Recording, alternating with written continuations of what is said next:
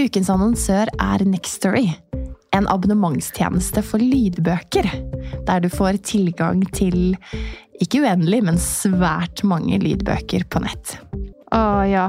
Et helt univers, rett og slett. For meg har det passet perfekt nå i vinterferien. For da har jeg hatt ekstra tid eh, til å gå lange turer og lytte til bøker. Og så har jo vi en date i kveld, eh, Ingvild. Eh, vi skal på teater og se Anna Karenina. Så da bestemte jeg meg for å bruke Next Story for å lese gjennom den på nytt. Og det er bare helt fantastisk roman fra 1870-tallets Russland som jeg anbefaler alle å utforske, fordi den er like aktuell nå i 2024 som eh, den gang den ble skrevet. Men det er jo så fint, da, ikke sant? Og uavhengig av om eh, man har vinterferie eller mer tid til overs, så har man også disse små lommene i hverdagen. Du kan ha boken på øret, og du kan brette tøy, eller du kan sette på en klesvask, en oppvask, whatever og dykke inn i dette universet. Og det er jo det som er så fint. I, eh, I, tillegg, da, når uh, disse små Dine kommer med den samme boken for 15. gang, Ingvild, og spør ja. mamma kan du lese denne, så er selvfølgelig det veldig hyggelig, men det kan også være eh, vel så hyggelig å, å få eh, boken servert fra noen andre, så kan man lytte sammen. Eh, vi har hørt mye på Albert Aabergs lydbøkene i Nextory, for det er et univers som både min femåring og min toåring elsker. Ah, det er fantastisk. Man kan finne så mye flotte verdener og opplevelser i gode bøker. Og du som lytter til oss, kan nå få seks uker med fri tilgang til Next Story hvis du går inn på linken nextory.no engler. Så gå inn der. Bli med oss eh, og utforsk bokuniverset, og så håper jeg at du har like stor glede av det som vi har.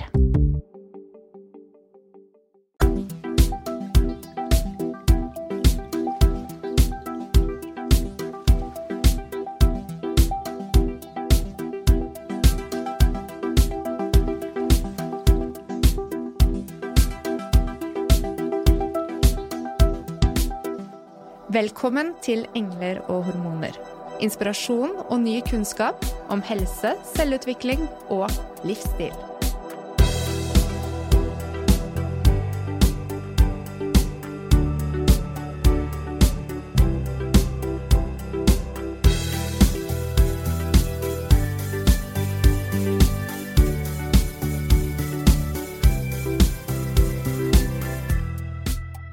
Kjære lytter. Husker du? Vi har snakket om hvordan du kan sette deg mål som er i balanse med verdiene dine. Hårete gåsehudmål. Mål som gjør at du tenker det skal noe ekstra til for å oppnå dette, og du virkelig må fokusere. I dag skal vi møte en kvinne som når nettopp slike mål. Og som også har en karriere og en familie. Og det er fordi vi trenger forbilder og faktisk kunne tro på at det er mulig. Hjertelig velkommen til studio, Mette Pettersen Moe. Takk skal du ha. Vet du hva? Du har jo vært min leder på treningssenter før. Ja, det har jeg. Ja.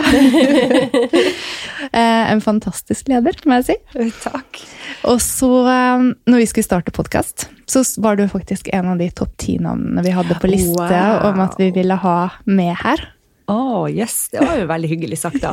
og endelig sitter du her. Vi har varmet opp nok til å kunne invitere deg inn. det var jo veldig smigrende. Det er jo eh, det er ikke så ofte du hører. Så det er veldig positivt å få den tilbakemeldinga. Ja. Um, du um, kan kanskje først introdusere deg selv, Mette. Hvem er du? Ja, Mette Pettersen Mo heter jeg. Fra, egentlig fra Fauske i Nordland. Um, bor i Oslo og er 45 år. Har to barn. Et bonusbarn. Og de er henholdsvis 12 og 10 år. Um, jobba med trening og jobba i treningsbransjen siden 1900 og et eller annet. uh, slutta i treningsbransjen for uh, ja, seks, syv, åtte, ni, ti år siden. Jeg husker ikke helt uh, når det var. men Um, ehm, Starta for meg selv og driver på med coaching innenfor triatlon. Um, og har uh, hatt en relativt uh, heftig voksenkarriere når det gjelder satsing på triatlon. Um, per definisjon lagt opp. men eh, det er vel ingen som tror på det lenger. så ja, det er vel kort fortalt. Når vi hører innledningen eh, som eh, Mona så fint leste, eller sa i stad, den gåsehudfølelsen Hvordan var følelsen når du sto som vinner 1883 meter over havet på Gaustatoppen etter verdens råeste triatlon Norseman? Åh, ja, det, det, er et godt spørsmål. Og jeg, når jeg lukker igjen øynene og, og, tenker på det, så er det som om du skulle vært i går. Ja. det er en helt euforisk opplevelse å klare noe som du har på en måte lagt inn en stor ressurs og tid for, å, for å, et mål for å, for å nå. Så det er det var helt fantastisk, og det er noe som jeg aldri kommer til å glemme. Mm. Um, og det unner jeg egentlig veldig mange å oppleve, uavhengig av nivået man er på. Men det å oppleve en sånn følelse der du virkelig får til noe, og litt til i forhold til det du har satt deg som mål, det er fantastisk på veldig mange måter. Mm. Ikke bare for deg, men også for de rundt deg. Ja. ja. For det er jo økologi. Det, altså, du, det ja. må jo smitte over på alle rundt deg, ja?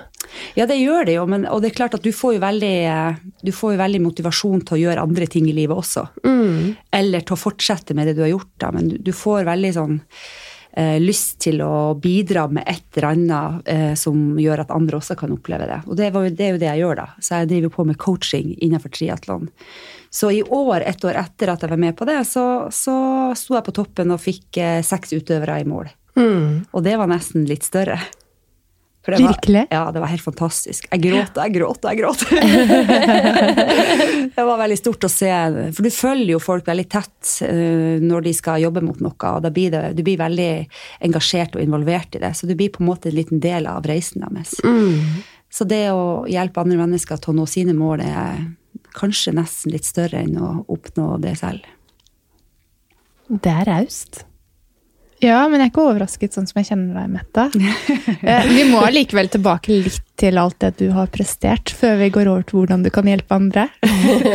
ja, For din historie, Mette, det triatlon, det var ikke det første du gjorde? Det, Nei. Du har en annen idrettsbakgrunn, egentlig. Kan du ikke ja. fortelle litt om historien din der? Ja, altså Jeg var jo svømmer til jeg var 18 år. Jeg konkurrerte på nasjonalt nivå i Norge. Um, på den tida så var det nasjonalnivået ikke så veldig høyt. så jeg fikk med meg noen medalje-NM osv.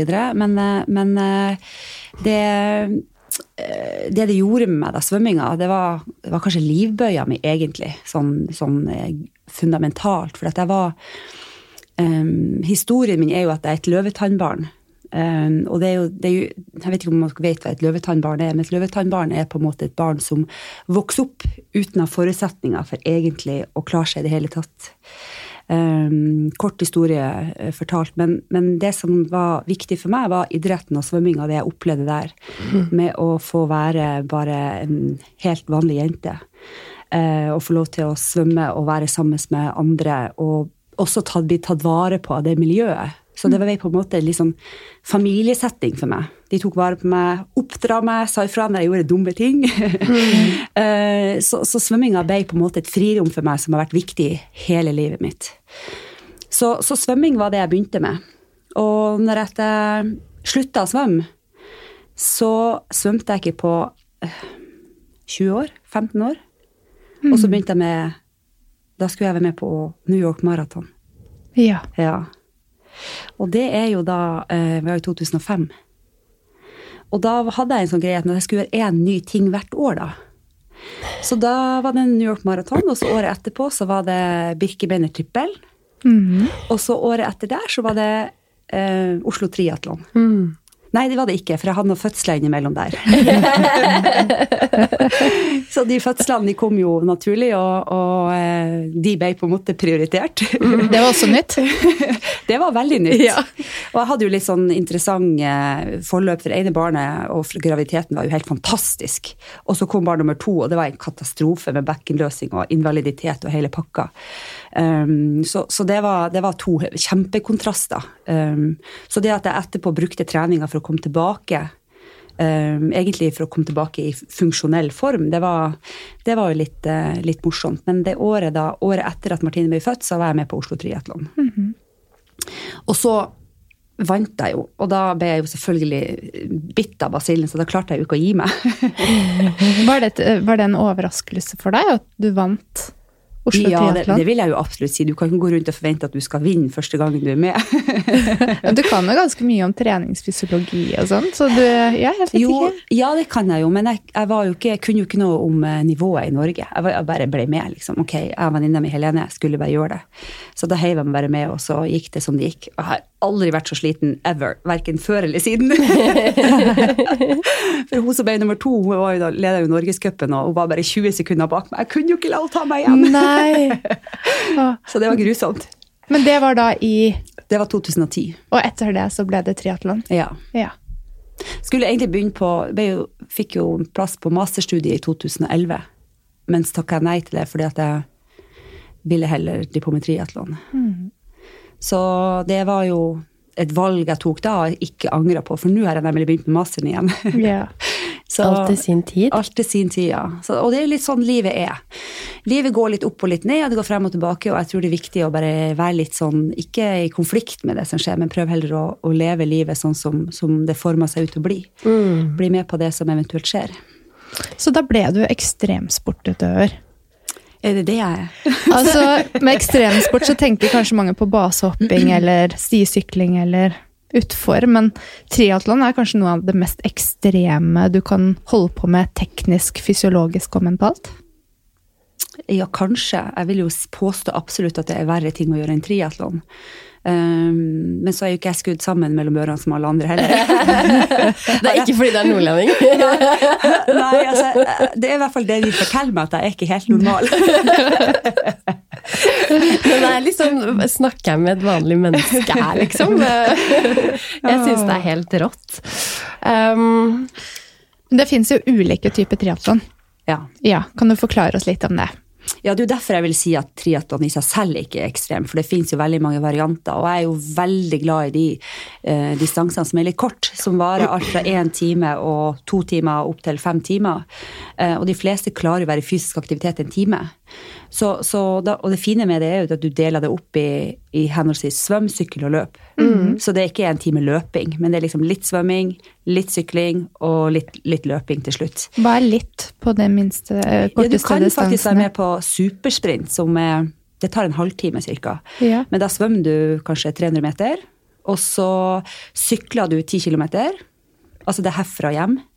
Og så løper du eh, 2,5 km til slutt. ja. Det kanskje, skulle det vi klart, det vi, ja, kanskje vi skal melde oss på noe sånt? da? Det er gøy, det er kjempeartig. Er det en sånn undergren under Oslo Triatlon, eller? At du Ja, kan de hadde- supersprint? De hadde supersprint i eh, Det heter supersprint. Ja. Du har supersprint, som er den ca. en halvtime, og så har du sprint som en time, og så har du olympisk normal, som er ca. to timer. Altså er kanskje litt mer for de som ikke har gjort det før, da, men Så det, du har på en måte alle spekter. Ja. Så jeg vil jo ikke si at det er ekstremt i det hele tatt. Men Bare- Ironman, da? Ironman er jo eh, Altså, du kan jo, gjøre, altså, du kan jo gjøre hva du vil på denne planeten. Det fins jo noe som heter for decathlon. Som ikke er én Ironman, men det er ti Ironman etter hverandre. Uten å stoppe. Og det, finnes det kalles for ultra uh, Ironman, eller ultradistanse. Og det er klart at det er, jo, det er jo ekstremt hvis man har lyst til å teste det. Så, så eh, det er jo for meg litt mer ekstremt, men det er jo kanskje for veldig spesielt interesserte. Ja. Ja. Du som skulle sette deg et nytt eh, mål eh, rett som det var. Altså, nå har du riktignok startet på master, da, men Ja, er det dette her er- noe du higer mot, eller? Nei. Nei? Ikke, altså, altså, jeg har lært meg én ting. Aldri si aldri. Så, det, så det skal jeg jo aldri si, men, men sånn i utgangspunktet så er det ikke noe for meg. Um, det er, vi er, altså det er som er fint med idrett og sport og trening og sånn, det er jo det at vi mennesker vi er veldig forskjellige. Og vi finner på en måte de tingene vi selv trives med. Og om det er å gå på butikken istedenfor for å kjøre på butikken, så er jo det fint. Det viktigste er at du bruker kroppen sånn at kroppen på en måte overlever også med hodet ditt. Um, så jeg tror jo ikke det at triatlon er for alle, men, men de som finner triatlon og liker det, de fortsetter gjerne med det. Så, så det er jo ingenting gærent med å gjøre ti armen hvis det er det du syns er bra. Og hvis det gjør deg lykkelig. Uh, og det er heller, ikke, heller, heller ingenting gærent med å gå på gruppetimer på Sats hvis det er det du liker. Sant? Det er jo bare å finne den bevegelsesformen som gjør at du har lyst til å komme tilbake og ha det gøy. Så det du likte da, og bestemte deg for, det var å gjøre Norseman. Eh, og akkurat hvor lang eh, svømming, sykling og løping er det du skulle gjennom der? Ja, så Norseman er jo den mest kjente konkurransen i Norge. Eh, Selv de som ikke driver på med triatlon, vet hva det er for noe. Men der svømmer du altså 3800 meter. Du- Ikke i svømmebasseng, men i du tar båten ut i Eidsfjord. I Eidfjord. Og så slipper du deg ut derfra ca. 3,5 km fra land. Så må du bare komme deg til, til, Jeg skal ikke si noe stygt her. Kom deg inn sjøl. og der er det jo en vel, altså det er ganske kald, kald sjø brukt å være, men, men eh, de siste to årene har det vært veldig bra temperatur. Eh, det som er spennende der, det er jo om du treffer noen spekkhoggere. Ja, for det er spekkhoggere der. Yes. Ja, det er kult, da. Men det så ikke vi. Nei. Nei. Så når du er ferdig med de flate kilometerne, så er det på sykkel, og da skal du sykle fra Eidfjord til eh, eh, Rjukan, eller til eh, Nå har jeg glemt hva det- Austbygde. Austbygde. Austbygde, sorry. Det er ikke Rjukan, det er, det er noen kilometer før. Vi holder, altså, jeg har Ja. slekt fra Ja, ja, det, er, det er viktig å ha stedsnavnet riktig her. Så det er 180 km sykling. Ja, Eh, eh, Ja. 180 km sykling. Den løypeprofilen den går jo da også over Nord-Europas høyeste fjellplatå. ja, Hardangervidda? Ja, det gjør det. Og så er det noen daler imellom. Ja, Og det starter ved havoverflaten, ikke Ja, sant? det gjør det. Bare så vi kan se for oss det sånn klart. Ja, det er altså, en helt fantastisk sykkeltur. Det er helt vidunderlig. Altså, det landskapet vi har i Norge er Du skal ikke reise langt før du har altså, det beste, det vakreste, fineste, flotteste som finnes i verden. Så det er, hvis man klarer å ta det inn over seg og, og tenke over hvor heldig man egentlig er som kan gjøre noe sånt, så, så blir opplevelsen ganske mye rikere. Ja, for det er det jeg tenker. Altså, jeg hadde jo Ikke at jeg noensinne hadde klart å gjennomføre Skal jeg ikke si det, da? For det skal man ikke si. Men, men i tillegg å kunne sitte da på sykkelsetet og ta inn over seg Ja. eh, omgivelsene, det høres veldig Altså, det må jo være en stor bonus, ja. Ja, det er en eh, kjempebonus. Det føler i hvert fall jeg. Det er, og jeg tror nok ikke jeg ville gjort en sånn konkurranse hvis ikke det hadde vært for eh, at det også er en altså det vi kaller for en adventure race, altså en opplevelse i natur. Um, så det er, det er en veldig kul eh, konkurranse sånn sett. Og, og i fjor så var det jo helt fantastisk vær. Jeg vet ikke om dere husker sommeren i fjor, men det var jo helt insane.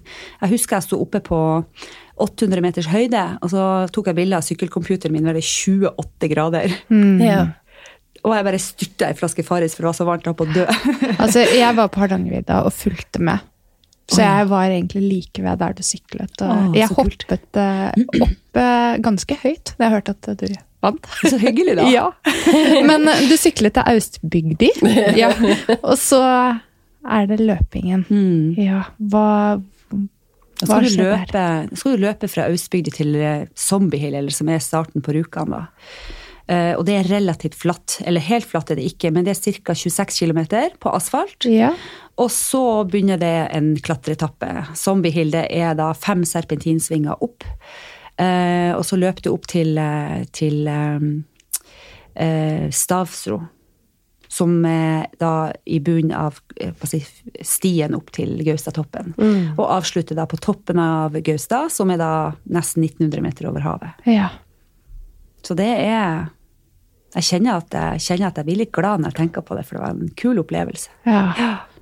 ja, det høres eh, fantastisk ut eh, å kunne gjennomføre noe sånt. Men Ja. altså da å stå der på toppen som første kvinne Ja, Mhm. det var veldig hadde, Jeg hadde kanskje ikke verdens beste dag eh, med tanke på hvordan røpet utvikla seg. Um, eh, men, men det at du å si, kjenner når du er nesten på toppen og kjenner det at, at du nesten kan ta på målstreken, når du er så nærme og kjenner at og du bare går opp for deg at vet du hva, du kommer til å vinne, det er en helt ubeskrivelig, fantastisk opplevelse. Og jeg kjenner vel liksom sorg på at jeg ikke får lov å oppleve det igjen. For det er utrolig fantastisk å, å få den følelsen som brer innover deg. Så det, det er Ja, jeg kjenner når jeg sitter og sier det, så tenker jeg herregud, skal jeg ikke oppleve det igjen? Det får vi jo se på, da. Hvor mange treningstimer er det du legger bak deg i løpet av et år eh, opp mot noe sånt som det her, da? Ja, det, Du er ikke den første som har spurt. Nei? Det er mange som få, har prøvd å få det ut av meg hvor mye jeg har trent, og har vært veldig sånn opptatt av å ikke snakke om det. Um, fordi at du trener på en måte det som kroppen din kan og tåler for at du skal uh, nå målene dine, og det er ekstremt individuelt. Så jeg er litt opptatt av at eh, man ikke skal henge seg opp i hva jeg trente eller hva du trente, men at du på en måte skal prøve å legge inn den arbeidet som kroppen din på en måte tåler og kan hanskes med. Og da er det noen mennesker som syns det er veldig vanskelig å forholde seg til at jeg trente x antall timer, hvis de bare trente x antall timer. Ja, sånn. Mm. Så for meg er det litt sånn Det er uvesentlig, egentlig.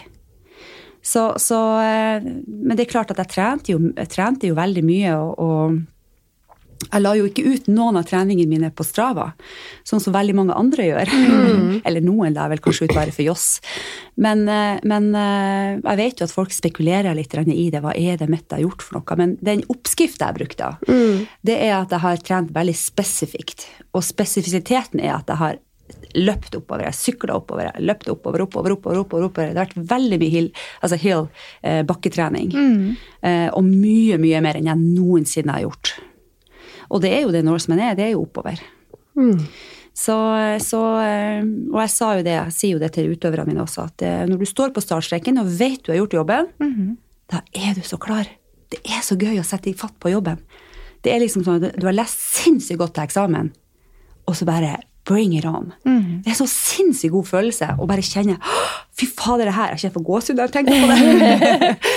Å være så klar mentalt og, og fysisk forberedt, det, er, det gjør at du sannsynligvis klarer å løpe og sykle og svømme enda fortere enn du ville gjort hvis ikke du hadde eh, visst at du har gjort jobben. da. Men alt i alt her så vil jo tiden på svømming kanskje ha mindre å bety enn syklingen og løpingen. Ja, det er det der veldig mange driter seg ut. Ja, Det er feil. få høre. Nei, altså, det de fleste gjør, det er jo det at de tenker ja, det er syklinga. Og det gjorde jo jeg også, jeg sykla jo mest, det er jo uten tvil. Men nå er min fordel det at jeg kan svømme. Så, men det veldig mange gjør, det er at de, de skorter litt på svømmetreninga. Så når de da skal svømme i én time eller en og en halv time, så er de rett og slett helt utslitt når de kommer inn i T1. Sånn at de har en, et helt annet utgangspunkt for å begynne sykkeletappen enn jeg hadde. Ja. Så, så, så jeg, jeg mener jo det at sykkel, svømmetappen er kanskje den viktigste for å nettopp for å spare på glykogenlagrene dine. Sånn at når du kommer på sykkel, så er du helt fresh i kroppen. Mens jeg ser jo det at veldig mange som, som ikke svømmer nok, og som ikke gjør den jobben med å, å klare å svømme avslappa nok, de eh, har veldig høy puls og kommer inn i TT1 og er egentlig ganske på felgen. Så de må bruke en liten time på å komme seg på sykkelen. Så T1, det er transition phase. Ja, mm, Transition, transition one. Så det er der du fra, eh, skifter fra svømming til sykkel. T2 er der du skifter fra sykkel til løping. Det er, jo, eh, det er jo ikke mange som har mulighet til å trene i en eh, kald vestlandsfjord. Nei. Det, er, jo- det høres ut som tøffe forhold. Altså, jeg liker jo ikke å skryte på meg noen ting som helst. Eh, og det, det kan jeg ikke gjøre i dette tilfellet heller, for at fjorden var helt magisk. Sa hun fra Nord-Norge. Ja, Det hadde vært enda mer magisk om du hadde møtt på noen Ja, det hadde vært så kult. Altså, hadde, altså, jeg var så Jeg, var, altså, jeg, var, jeg, jeg, jeg tror jeg sveva over vannet da jeg hoppa uti. Jeg, jeg hoppa ut i vannet, og så svømte jeg bort til kajakkene, og så kom jeg opp og så sa jeg Å, herregud, så jeg gleder meg til å se dere! så de her hadde- kajakkpadlerne lurte på hva det her slags vesel som kommer. så jeg, var, altså, jeg tror nok uansett hvordan forholdene har vært den dagen, så hadde jeg nok snudd det til noe positivt. Så det er vel sånn det henger sammen, tror jeg. Så det var helt sikkert noen som hadde dårlige opplevelser i fjorden. Og det vet jeg jo at det var, fordi at eh, hodet jobba imot dem.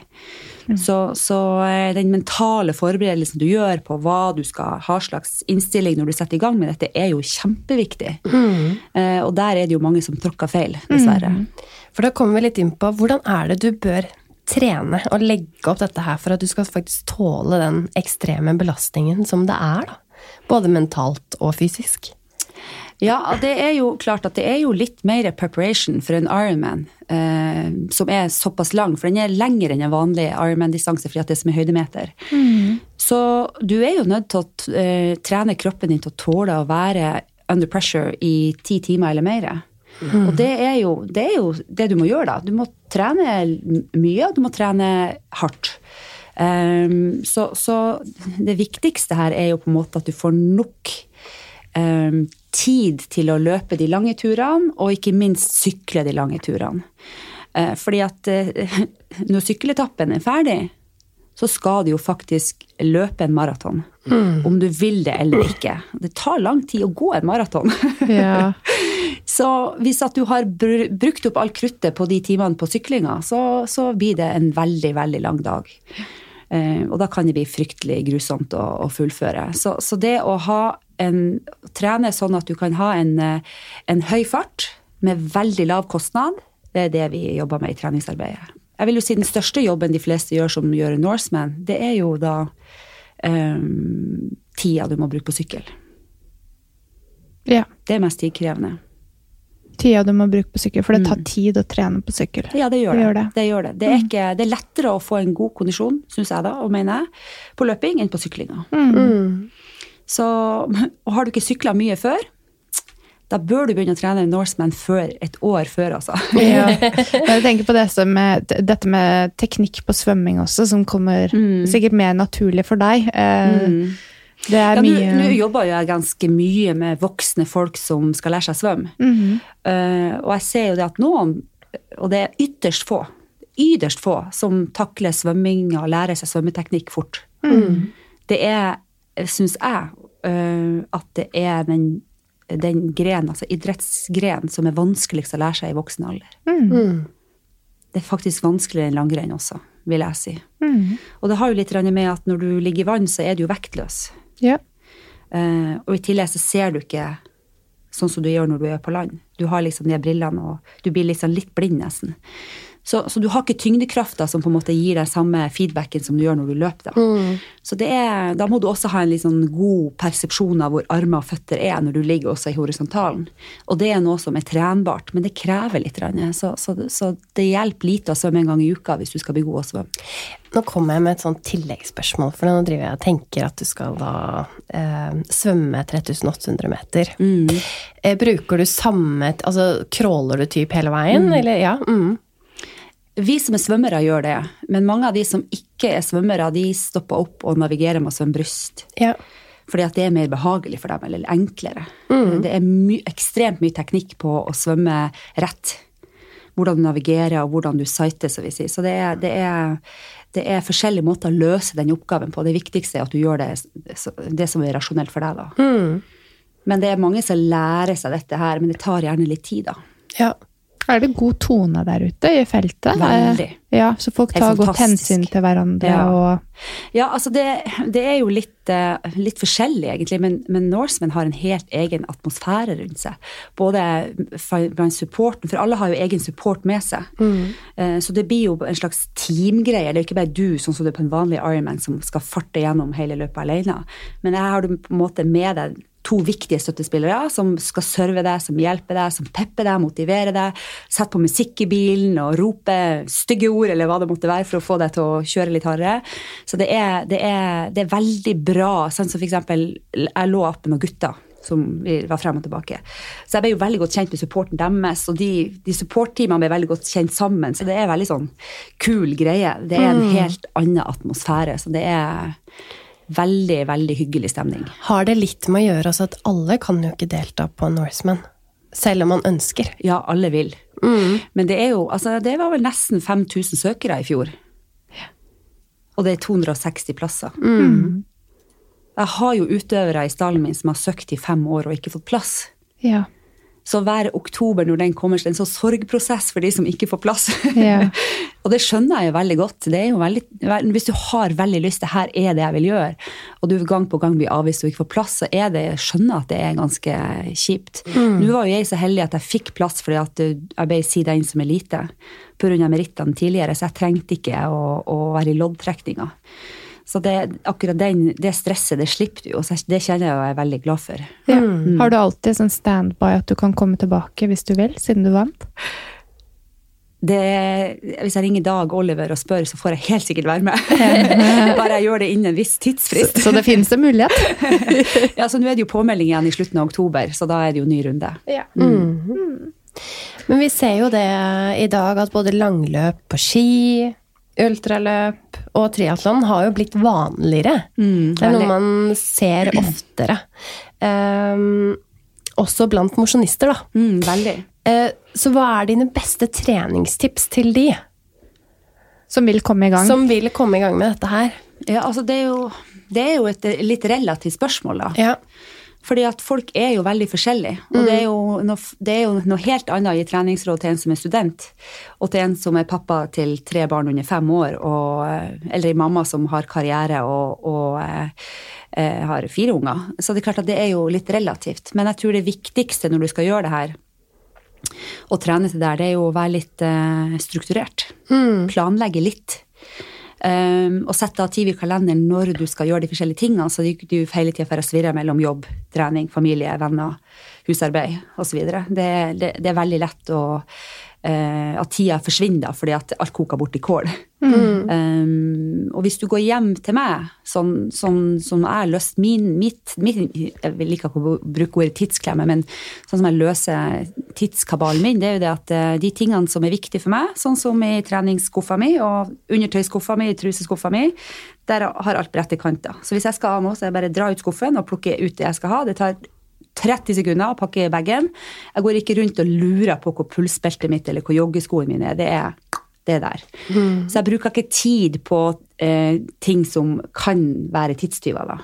Så ha orden tror jeg er veldig, veldig godt tips. Orden, planlegging. Og hvis at du er, sånn som for min del, er mamma eller pappa, og har en kone eller mann som du har lyst til å beholde Ja. Det er jo ikke sikkert du har, men hvis du har lyst til å beholde han eller hun, så er det veldig lurt å inngå en avtale. Der man, har, der man setter litt forventningsavklaringer. Eh, og det kan jo være hva som helst, men jeg tror det er viktig at man har støttespillere i hverandre, uansett om man velger å satse på en triatlon, eller om man skal satse på karriere, eller om man, altså whatever man gjør i livet. Så, så ha litt forståelse for, for hverandre og gi hverandre litt rom for det som er viktig. Uh, og vi alle blomstrer jo litt på forskjellige arenaer. Noen gjør det jo i jobb, noen gjør det i trening, noen gjør det med barna. Og da er det viktig å få lov til å gjøre det uten dårlig samvittighet. Eh, og i min, altså i min omgangskrets så er jo denne selvpåførte dårlige samvittigheter er jo, er jo et veldig vanlig tema. Uh, og det handler jo veldig ofte om dårlige forventningsavklaringer rundt deg, og at du hele tida ikke kan prioritere det som kanskje er viktigst for deg, nemlig familien din. Og det er da er det viktig å stikke fingeren litt i jorda og spørre deg selv hva er det som er viktigst egentlig. Og så ha fokus på det. Så, så blir ting litt enklere, tror jeg da. Ja. Og du er jo coach for andre utøvere også, så er dette en filosofi du tar med deg inn i coacharbeidet? Ja, absolutt. Um, min rolle er jo egentlig å Selv om altså de får program til meg og opplegg hos meg, um, men min rolle er jo hele tida å stille de spørsmål. Hvorfor skal du det, og hva er viktigst for deg? Uh, sånn at man blir litt bevisstgjort hvorfor man tar valgene, eller man tar de på feil premisser. Ja. Så, så det, er, det er, og det å eliminere dårlig samvittighet er jo også viktig. For spørsmålet er hva er dårlig samvittighet, og er, hvorfor kommer den fra? Eh, og vi kvinner er vel kanskje veldig gode på å komme med kommentarer som uh, kan gi stikk av dårlig samvittighet til andre. Og det kan også man gå rundt og tenke på en hel dag. Og da er det liksom fint hvor den dårlige samvittighet du har, ja, det kom fra en utrolig dårlig kommentar fra en kollega. Men ok, men er det ditt problem, eller er det hennes problem, eller hans problem?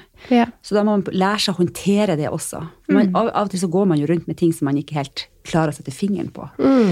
Så dårlig samvittighet, det gagner ingen. Det må du bare kvitte deg med. ja. Det Eller er det. stress eh, Ja. på kroppen. Det er det. Mm. Det er kjempeugunstig å gå rundt med, med, med stress og dårlig samvittighet. Det, det fører veldig lite matnyttig med seg. Så eh, i tillegg til Du sa I tillegg til dette med programmer, så sa du eh, i går til meg at jobben din var å trekke de riktige trådene. Mm. Har du, har du et eksempel på det? Hva, hva som er viktig å ha rundt seg? Hvilke tråder trenger man å få trukket i for å ha suksess innenfor denne idretten? Ja, altså det er Noen ganger så tar man jo valg, eller man gjør, tar avgjørelser som ikke alltid er i tråd med den man er. Og da er det litt viktig for meg å stille spørsmål som gjør deg bevisst om det er det du egentlig vil eller ikke. Som eksempel at jeg har utøvere som eh, har vært med på en konkurranse, gjort det veldig bra, og jeg blir veldig ivrig eh, og har lyst til å være med på mer. Men så trenger kroppen også hvile og restitusjon. Og da er det kanskje ikke så lurt å gå ut og løpe en maraton etterpå. Og da må man jo finne ut om det er smart, om det er i tråd med det du egentlig vil. Ja. Ja. Så, eh, og så er det noen ganger at du må gjøre det motsatte, da. Da du får sånn kommentarer inn på økten, og i dag så eh, var sofaen veldig deilig. og da kan jeg jo stille spørsmål som at eh, ja, tror du sofaen vil få deg under tre timer på maraton? så det kan jo være legitimt noen, noen ganger. Ja. Og det er nok at du stiller det spørsmålet, eller trenger de litt annen motivasjonsboost? Jeg vet du, det som, er, det som er for min del eh, Nå har jo jeg jobba i treningsbransjen i veldig mange år. Så forskjellen på treningsbransjen og der jeg jobber i dag, det er det at folk som kommer til meg, de er ekstremt motivert. Det er så morsomt å jobbe med disse menneskene. Eh, og de har så lyst til å få til det de har eh, satt seg som mål. Så, sånn at jeg har veldig sjelden behov for å dytte de i ræva. Så en liten sånn sarkastisk kommentar fra meg, det kan ofte gjøre underverker. så, og så er det jo litt sånn med bakgrunnen min, eh, med hvor jeg kommer fra og alt det her, det, det gjør jo det at eh, jeg har veldig lite sympati for sutring.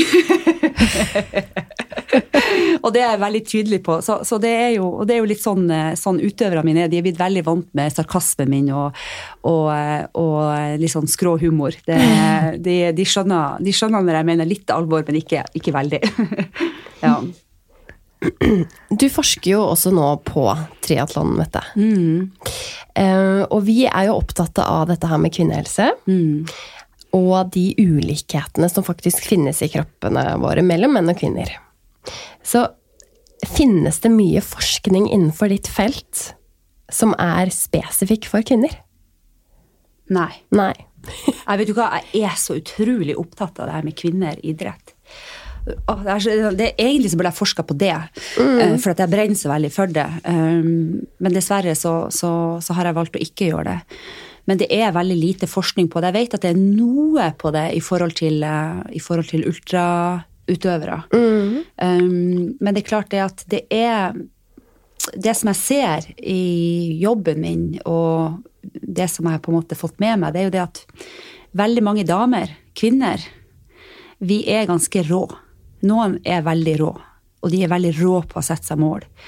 Og noen, noen er så rå at det går rett og slett litt for langt. Så, så det, er, det er et helseaspekt med det også, spesielt når at kvinner begynner å trene mye.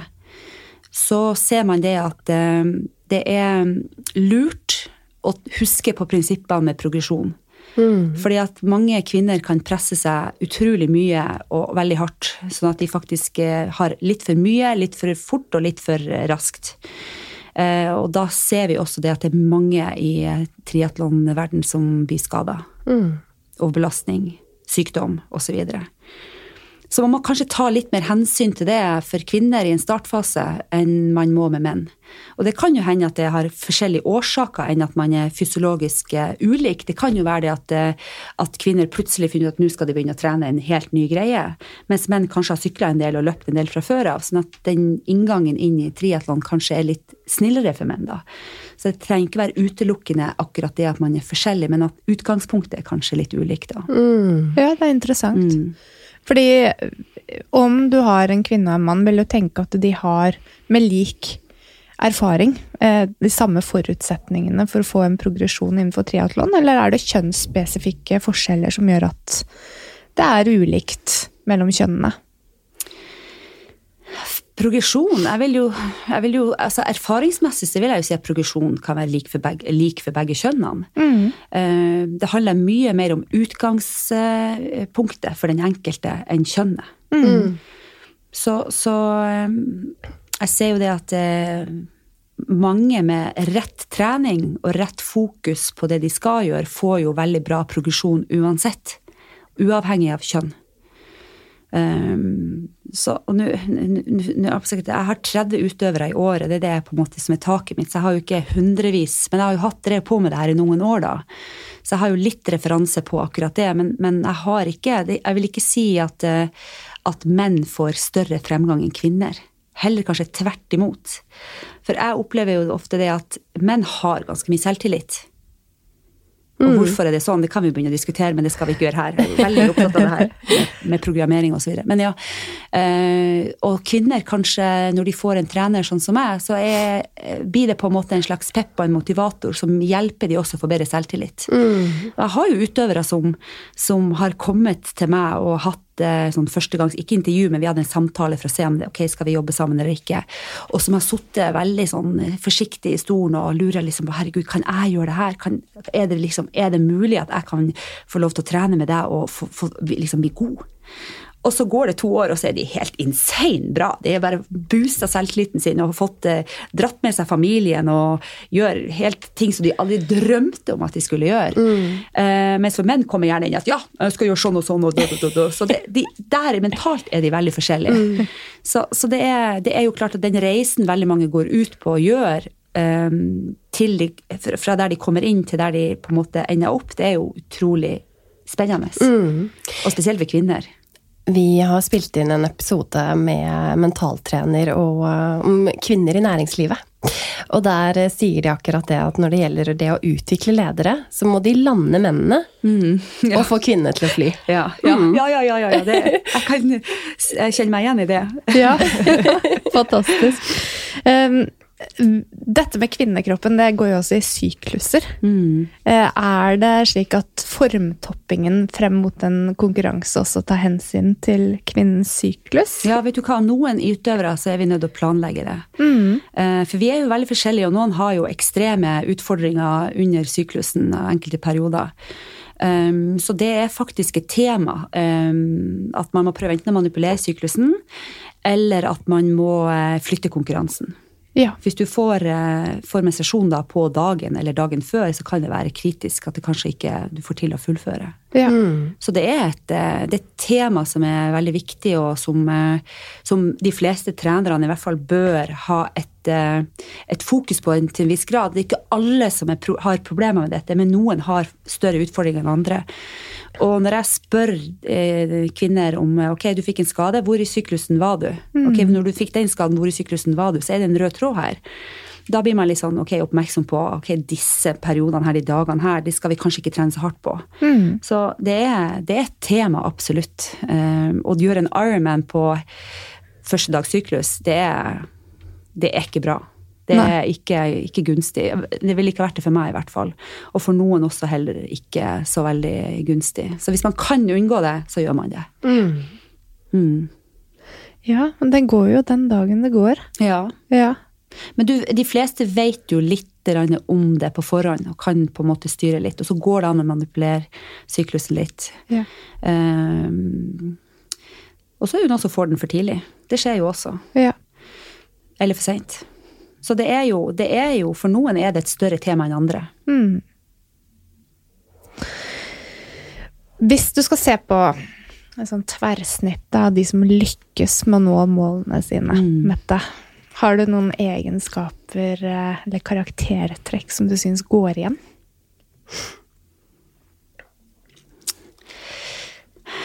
Blant, blant eh, altså, ja, altså, Det er jo veldig mange forskjellige folk, da, men eh, det er et godt spørsmål.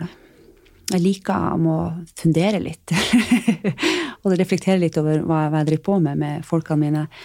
Men eh, veldig mange er målretta. De liker å jobbe etter mål. Um, og er strukturert. Er flinke å planlegge. Selv om ikke alle er det. Du må ikke være det, men eh, flere er det enn det motsatte.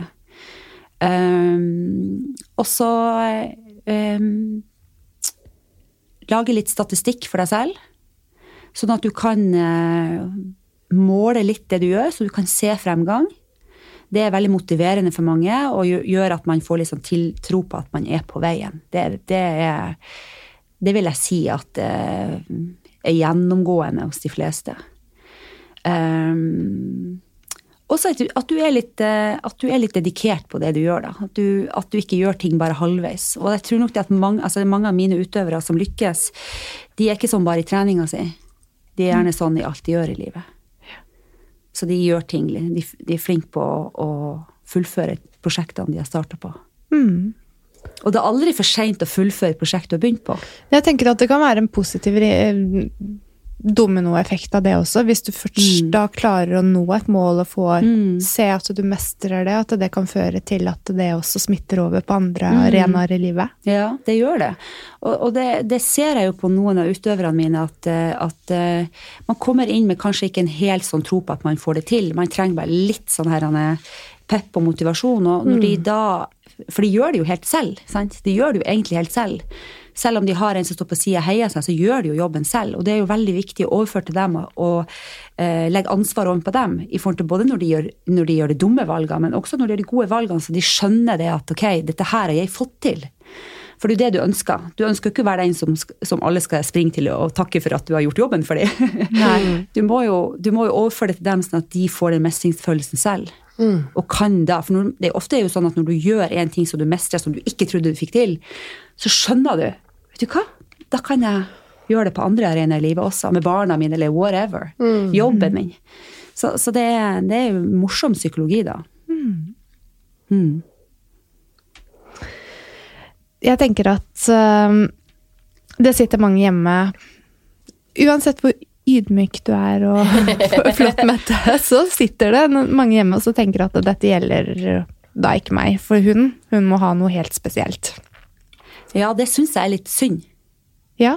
For at jeg er så utrolig vanlig, ordinær. ja, men hva vil du si til de da?